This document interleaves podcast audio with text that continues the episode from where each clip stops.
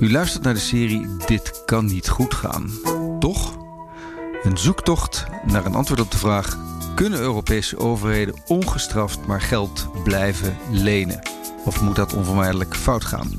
Mijn naam is Michiel Bikker-Kaarten, uitgever van de nieuwsbrief De Bikker. Dit is aflevering 5.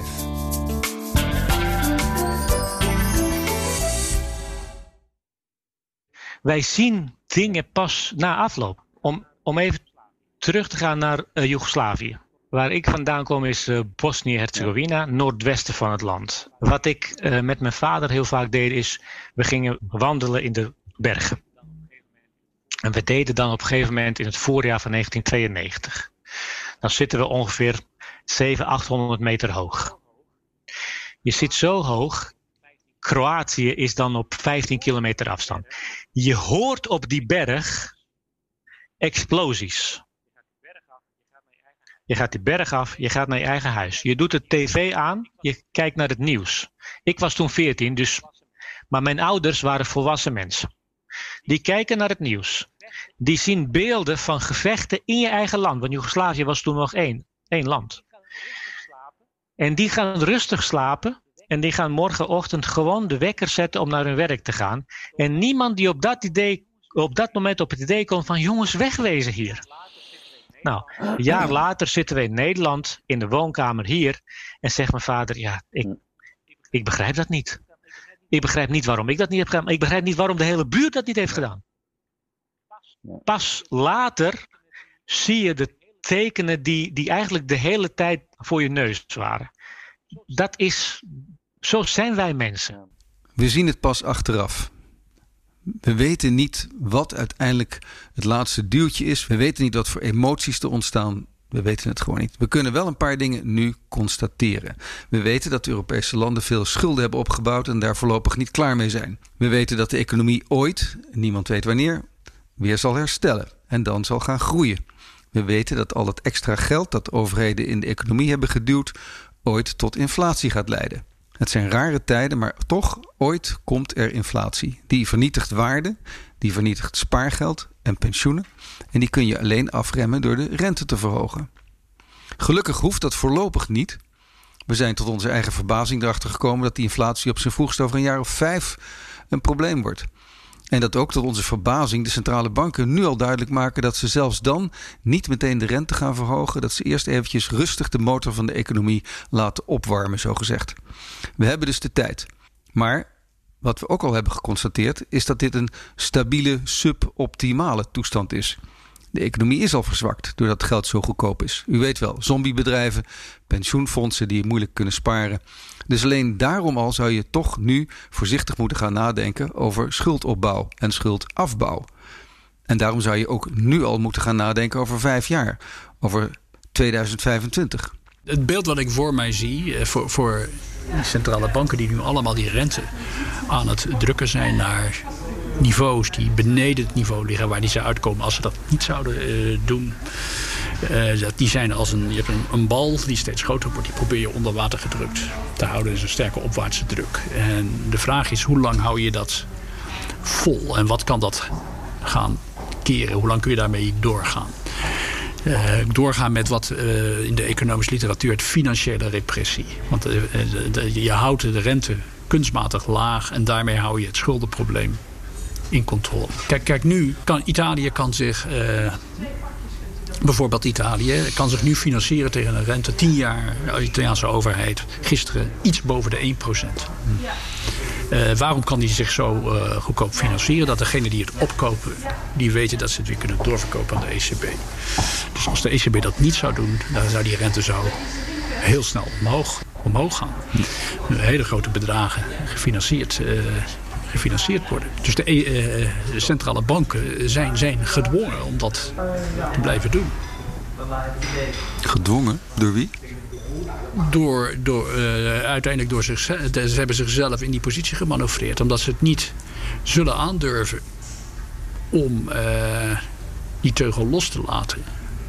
Want waarom, dan, gaan, dan waarom gaat die omhoog. Ze zijn dan, toch onafhankelijk? Dan wordt, dan wordt de... jazeker, ze zouden Mensen, te technisch kunnen ze het. Maar in de praktijk zullen ze. Ik denk niet dat ze de moet zullen hebben. Want wat ze triggeren en wat ze uitlokken is schuldonhoudbaarheid, grote extra financieringslasten. Ja, als we het even tot Europa beperken, een heel rijtje landen wat dan in de problemen komt. Dat is niet alleen Italië. Dus het is niet een probleem voor de ECB, voor de centrale bankiers. Ze komen er niet alleen uit zonder de politiek.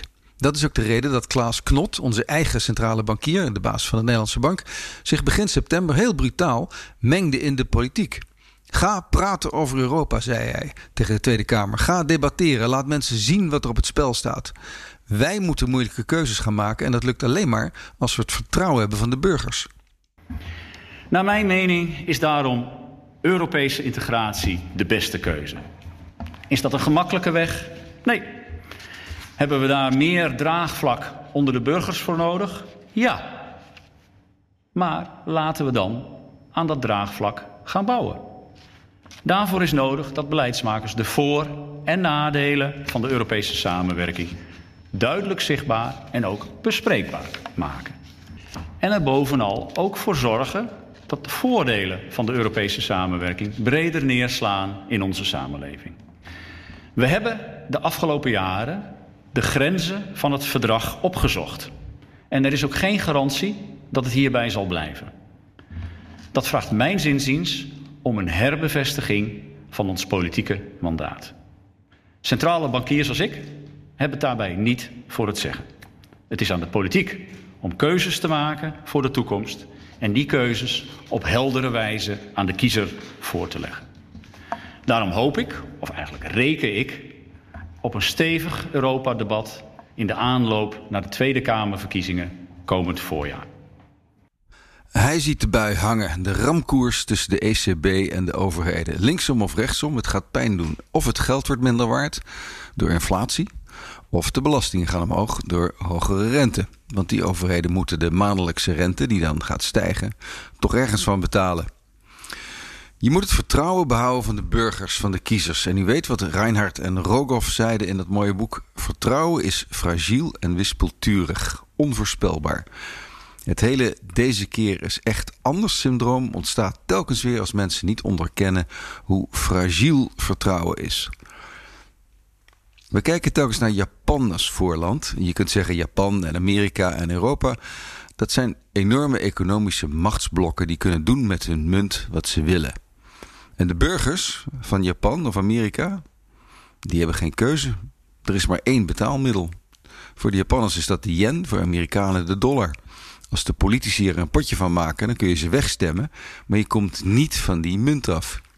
In Europa is dat anders. Daar is wel een alternatief. En dat heet de gulden, de Deutschmark, de shilling.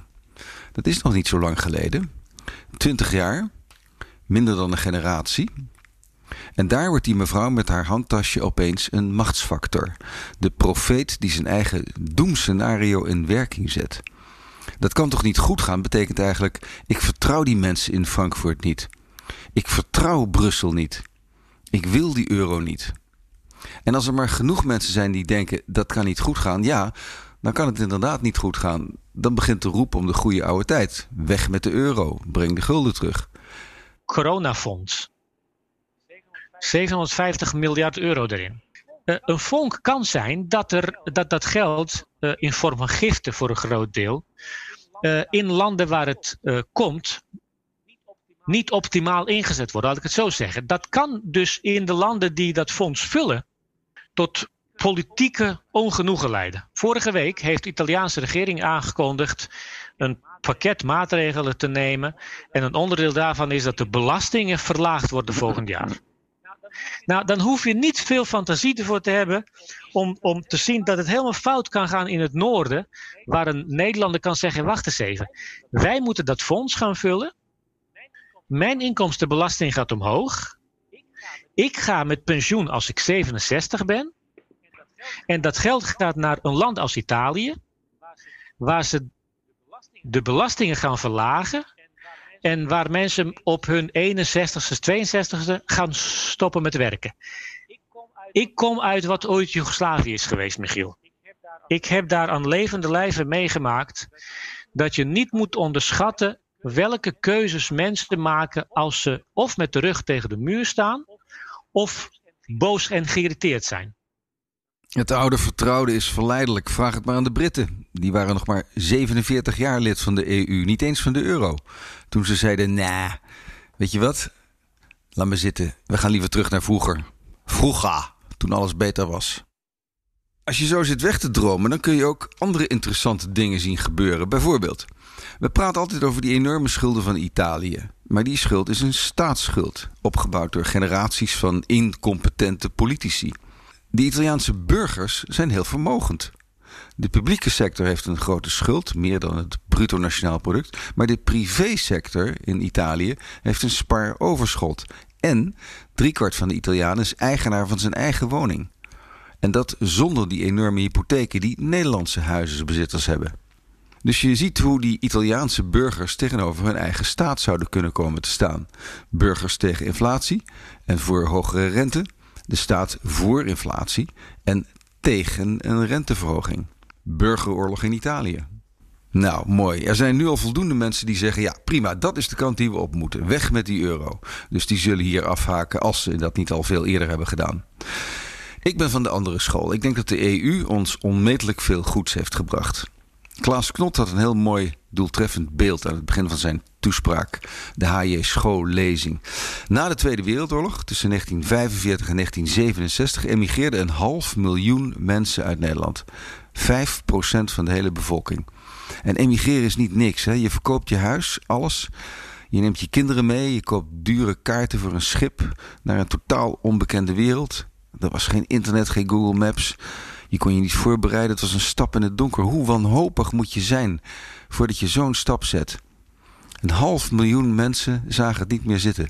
De wederopbouw van Nederland na de Tweede Wereldoorlog leek een hopeloze lijdensweg. En kijk nu eens. Minder dan 100 jaar later, 75 jaar later, een oogwenk in de geschiedenis. Wat een welvaart. En wat een baken van democratie en beschaving voor de hele wereld. Dus ik denk het beste is om te voorkomen dat je in burgeroorlogen terechtkomt. Dat kan, want waarom was hogere rente nou ook alweer een probleem? Oh ja, door die grote staatsschulden. Niet waar? Dus als je nou die schulden zou verminderen, liefst voordat de rente omhoog gaat, dan wordt die schuld minder zwaar te dragen. Moet dat nou echt? Moeten we nou echt die schulden terugbrengen? Japan lukt het toch ook al twintig jaar? Het hoeft toch niet fout te gaan? Nou, nog één keer dan. De laatste keer. Ja, misschien kan dat. Het zou zomaar kunnen dat je een heleboel geld creëert en dat er nooit inflatie volgt. Alles kan. Op dit punt wil ik Lex Hoogduin aan het woord laten, maar ik moet eerst iets opbiechten. Een beetje gênant. Ik had met hem afgesproken in een hotel in het Gooi op een mooie zomerochtend. En ik dacht, we kunnen best in de tuin gaan zitten. Dat is mooi geluid altijd. En misschien krijgen we wel wat vogeltjes die op de achtergrond gaan kwinkeleren. Maar naarmate ons gesprek vorderde, werd het steeds voller op dat terras. En tot overmaat van ramp zag ik vanuit mijn ooghoek de tuinman arriveren. En die pakte zijn heggeschaar. Dus dat is wat u hoort al na een paar seconden. En dan heb je twee, heb je twee scholen Eén één school die zegt uh, dat komt door allerlei structurele ontwikkelingen. Dat komt door de vergrijzing. Ja, dan wordt er heel veel gespaard. Uh, en dat drukt de rente. En die rente blijft altijd laag. En maak je, maak je geen zorgen over die Italiaanse schuld. maak je eigenlijk geen zorgen over enige schuld. Er is eigenlijk te weinig schuld. want de overheid kan gratis lenen. Sterker nog, de Nederlandse overheid krijgt zelfs geld toe. Dus uh, waarom maak je je zorgen over die uh, schuld? Dat is een valide redenering. Als de rente permanent zo laag is als er structurele factoren zijn, die jou met de grootste overtuiging kunnen zeggen: die rente is laag. En een periode waarin de rente weer teruggaat naar wat we tot 2007 normale niveaus uh, noemden. Die tijd komt nooit meer, nooit meer terug. Als die tijd wel terug zou komen, dan hebben we een groot probleem. Maar die tijd komt niet meer terug, is geweest. Hm. De andere visie, uh, en dat is de visie die ik heb, is dat ik uh, één, het niet plausibel vind dat die, die rente, die lage rente, voor het overgrote deel komt door structurele factoren.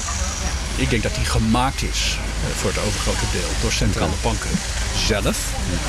En dat, dat, dat je absoluut niet kunt uitsluiten dat het onverantwoord is om uit te sluiten dat die ooit weer terug zou gaan naar normale eh, niveaus. Sterker nog, eh, op dit moment, en dan moet ik toch weer de pandemie noemen, eh, als je ziet hoeveel overheden lenen nu om die pandemie op te vangen, dat is 17.000 17 miljard.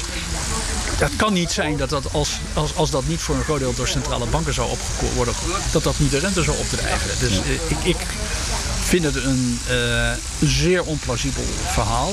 Ik vind het hetzelfde als bijvoorbeeld zeggen van... Ik... En toen kwam de heggenschaar steeds dichterbij en ik zei, weet je wat, we gaan naar binnen. Daar is het rustiger. Ik, ik, kan, niet, uh, ik kan niet bewijzen dat, dat het mijn... Uh, dat mijn, mijn waarheid, zeg maar, of mijn hypothese, als ik het even wetenschappelijk zeg, dat mijn hypothese de juiste is. Dat kun je in de economie eigenlijk nooit. Hm. Uh, je kunt het nooit bewijzen. maar dat kan de andere kant ook niet. Dus het is een kwestie van plausibiliteit. Maar daar komt bij dat zelfs als je zou zeggen... ik vind die andere hypothese waarschijnlijker... dat je daar persoonlijk 55 kans aan zou toetrekken. En de mijne is 45% Dan is een beginsel van gezond risicomanagement. Als er een kans voor 45% is dat je het mis hebt... en als je het mis hebt, zijn de consequenties groot dan doe je er heel verstandig aan om daar rekening mee te houden. En wat, wat minder dicht bij het ravijn te spelen. Gelukkig hebben we nog even de tijd. De komende vijf, misschien wel tien jaar kunnen we nadenken over hoe we de Europese economie weer gezond krijgen. Hoe kun je die schulden verminderen? Lex Hoogtuin leest voor uit het Economisch Handboek. De eerste methode om schuld omlaag te krijgen is wat de ECB nu in feite doet om onder controle te houden, uh, is, is financiële repressie. Dus een, rente uh, te creëren die lager is dan de groeivoet van de economie. Maar daar wil je, eh, daar wil je juist van af, omdat dat de handen van de ECB bindt. Dus die methode is niet toepasbaar. Dan is de tweede, het tweede is dat je uit je schuld groeit. Dus, dat, hè, dus we, hebben, we hebben gelijk de verhouding tussen de rente en de groei. De eerste methode is dat je de rente laag houdt. De tweede is dat je de groei op, uh, opkrikt. En dat is de mooiste, want dat doet niemand verder pijn. Daar profiteert iedereen eh, van. Het probleem daarvan is alleen dat je niet een knopje hebt waar je op drukt en zegt nu is er hogere groei. De derde is inflatie. Dat het schuld weginfleert, maar dat is het kind met het badwater weggooien. Want dat willen we ook niet. We willen niet nu, nu naar een regime van 10% inflatie. Dus dan hou je er nog twee over. En uh, van die twee moet het, uh, moet het komen. Dus de ene is uh, bezuinigen. En de, twee, de, de laatste is schuldherstructurering en kwijtschelding. En meer smaken zijn er niet. Dus herstructureren en kwijtschelden, maar dat is toch een soort capitulatie? En dat betekent ook pijn voor ons, voor de landen die zo keurig opgelet hebben om niet te veel schuld te maken. Hoogduin schat iets van 20 miljard euro per jaar voor Nederland, jaar in, jaar uit. Dat is dus wat hij bedoelt met: het is een pijnlijke operatie voor iedereen. Gelukkig is er nog een ultiem redmiddel als we er echt helemaal niet meer uitkomen de komende vijf jaar. Iets wat ik ben gaan noemen de Harry Potter oplossing. Je kunt die schulden namelijk ook wegtoveren. Kan dat zomaar? Lucas Daalder heeft er wel eens over zitten dagdromen op kantoor, terwijl hij over de schuld van Japan zat na te denken. We hebben nu een situatie dat de uh, Japanse centrale bank die heeft uh, nou, 100% van BBP, ik weet niet precies wat het getal toen was, 100% van BBP als schuld op zijn balans staan. Daartegenover staat een staatsschuld van, van 240% die de staat heeft. Wat gebeurt er nou als uh, dit weekend uh, de Bank of Japan zal zeggen van nou oké jongens, die staatsschuld die wij hebben op onze balans, die strepen we weg. En dan heb je eigenlijk een soort hele vreemde situatie dat opeens de staatsschuld nog maar 140% van het BBP is. Uh, dat de Bank of Japan, ja, die heeft geen eigen vermogen meer. Of die heeft een zwaar negatief eigen vermogen, want die had eerst een bezit, uh, namelijk staatsobligaties, en die zijn opeens weg. Um, maar waar, waar komt de paniek vandaan? Dus, dus dan is iedereen zegt, ja, daar moet inflatie komen. Ja, dan is mijn vraag, ja, maar waar komt dat dan? Dus waar gaat dit mis? Uh, en dit kan misgaan, hè? Nogmaals, ik, ik ben niet degene die zegt dat het altijd goed zal gaan. Maar uh, de enige manier waarop dit echt wezenlijk misgaat. Kijk, de bakker in, Japan, die gaat niet opeens zeggen: Oh jee, de centrale bank heeft een eigen vermogen van min 100%. ik ga nu de, de prijs van mijn brood verhogen. Dus, dus eigenlijk iedereen in Japan eigenlijk alleen maar in Japanse yen uitbetaald krijgt, handelt. zie ik niet precies waar die paniek intern vandaan moet komen. Het is echt bizar. Er is dus een soort tovenaar die geld kan maken, die geld kan vernietigen, die geld kan laten verdwijnen. De Europese Centrale Bank als een soort tovenaar van Oz achter een gordijn als een Harry Potter. U hebt een schuld. Simsalabim, uw schuld is weg. Verder nog iets van uw dienst? Je had dus ook kunnen zeggen van jongens, de centrale bank heeft het achteraf alsnog monetair gefinancierd. Die schuld is niet meer monetair relevant die strepen we weg. Dat kun je dus doen, hè? Dat geld is al uitgegeven. Dat, kijk, en voor de vorm kun je ook zeggen, weet je wat... Ehm, we zetten het om in een eeuwigdurige perpetual. Dus de lengte van, van de eeuwigheid op de, centrale, de balans van de centrale bank blijft staan. En ehm, bij dus quotes die wij politiek hanteren... dan gaan we gewoon uit van een gecorrigeerde staatsschuld... waarin alles het monetaire bij de centrale bank is weggezet... Ja buiten beschouwing wordt gelaten. Dan zou de Nederlandse staatsschuld dus op, op 30% staan, of 25. Uh, de Italiaanse zou op 130 staan in plaats van 160. Ja. Zoiets. dat, dat, dat kan. Dat kan. Dat is zelfs uh, in een context van een zwakke economie en een recessie, zou zelfs verantwoord kunnen zijn. Als je met z'n allen harde afspraken zou kunnen maken van jongens, dit is het beleid dat we gaan voeren. Iedereen tekent ervoor. Iedereen houdt zich eraan. En eenmalig doen we een grote reset in, in die staatsschuldquotes. Dat kan. Dan kijken we in het verleden, kijk in het verleden is, uh, zijn wel gekke dingen gebeurd. Hè? We zijn een beetje vergeten, maar de Nederlandse bank is ook failliet gegaan. Heb je dat gelezen in mijn boek? Dat boek, wacht even. Uh, ja. Oh ja. Bladzijde 83. Zo leed de Nederlandse bank in 1931 een gevoelig verlies toen het Verenigd Koninkrijk de Gouden Standaard verliet. Nederland hield namelijk een aanzienlijke portefeuille in Britse ponden aan. In een rotsvast vertrouwen dat de Britten de gouden standaard nooit zouden verlaten. Het verlies van 30 miljoen gulden dat optrad als gevolg van die Britse stap kostte DNB anderhalf keer haar hele eigen vermogen en de toenmalige president van DNB, meester G. Vissering, zijn baan. Nou ja, de wereld draait gewoon door. De centrale banken zijn de enige instellingen die gewoon altijd door kunnen draaien met een negatief eigen vermogen. Dus het heeft uh, de krantbouwers gehaald. Uh, de president ging met ziekteverlof. Uh, die was ook wat gestrest. En ja, dat heeft, een, dat heeft een paar jaar, zo'n paar jaar heeft men het gewoon het verlies gecompenseerd vanuit een lopende winst. En toen de DNB zelf van de gouden standaard afging in 1936, ja, toen klapte de gulden natuurlijk in elkaar ten opzichte van goud. Nou ja, DNB had toch wel een aardige pluk goud. Dat werd dus in gulden sneden opeens veel waard. En opeens is DNB weer zo'n vader centrale bank. Leuk, hè? Ja, heel leuk. Centrale banken zijn hele gekke vehikels. Ik had beloofd, er komt een antwoord op de vraag: dit kan niet goed gaan. Toch? We hebben een aantal antwoorden gevonden. Het eerste antwoord is ja, het gaat nu al niet goed. De toenemende schuld tast je economie nu al aan. Je bedrijfsleven is verzwakt door zombiebedrijven. Je pensioenen worden aangetast omdat het rendement op beleggingen zo laag is. Overheden worden een steeds grotere last voor de private sector. Schuld is een sluipend gevaar. Het is er nu al. Kan het nog erger niet goed gaan? Ja, dat kan en het kan ook niet. Maar wat is je kansberekening en hoe bereid je je daarop voor? We kunnen erop gokken dat we net als Japan tientallen jaren zonder inflatie kunnen leven. Misschien wel voor eeuwig. Maar er zijn twee verschillen tussen Japan en Europa. Japan komt van veel verder. Die hebben echte deflatie meegemaakt en veel grotere waardevernietiging dan wij. Onthoud, de Japanse beurs ging van 40 naar 8. Onroerend goedprijzen daalden 17 jaar op rij. Zo erg hebben wij het in Europa niet gehad. En het andere verschil is dat Japan één munt heeft en er geen alternatief is. Wij hebben de euro en onze oude munten liggen nog vers in het geheugen. Schuld moet voortdurend worden geherfinancierd. Dat gaat vrolijk en pijnloos zolang de rente nul is. Maar als ooit de rente weer stijgt boven nul, dan gaat het pijn doen. Dat gebeurt echter veel later dan ik zelf voor mogelijk had gehouden toen ik begon met dit onderzoek. Vier, vijf jaar en misschien wel tien jaar voordat de ECB besluit om de inflatie aan te pakken met een renteverhoging. Misschien dat de Europese politici de komende vijf tot tien jaar vriend en vijand verbazen en de komende jaren gebruiken om een verstandige overgangsstrategie te bedenken. Misschien ontploft de hele eurozone lang voor dat moment.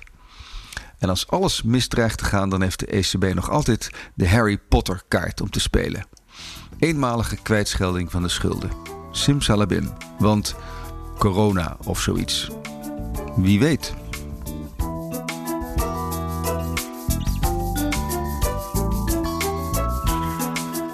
Dit was de laatste aflevering van Dit kan niet goed gaan. Een vijfdelig onderzoek. Commentaar, kritiek, advies, debat is welkom. Mail naar debikkernieuwsbrief at gmail.com. Bikker met ck.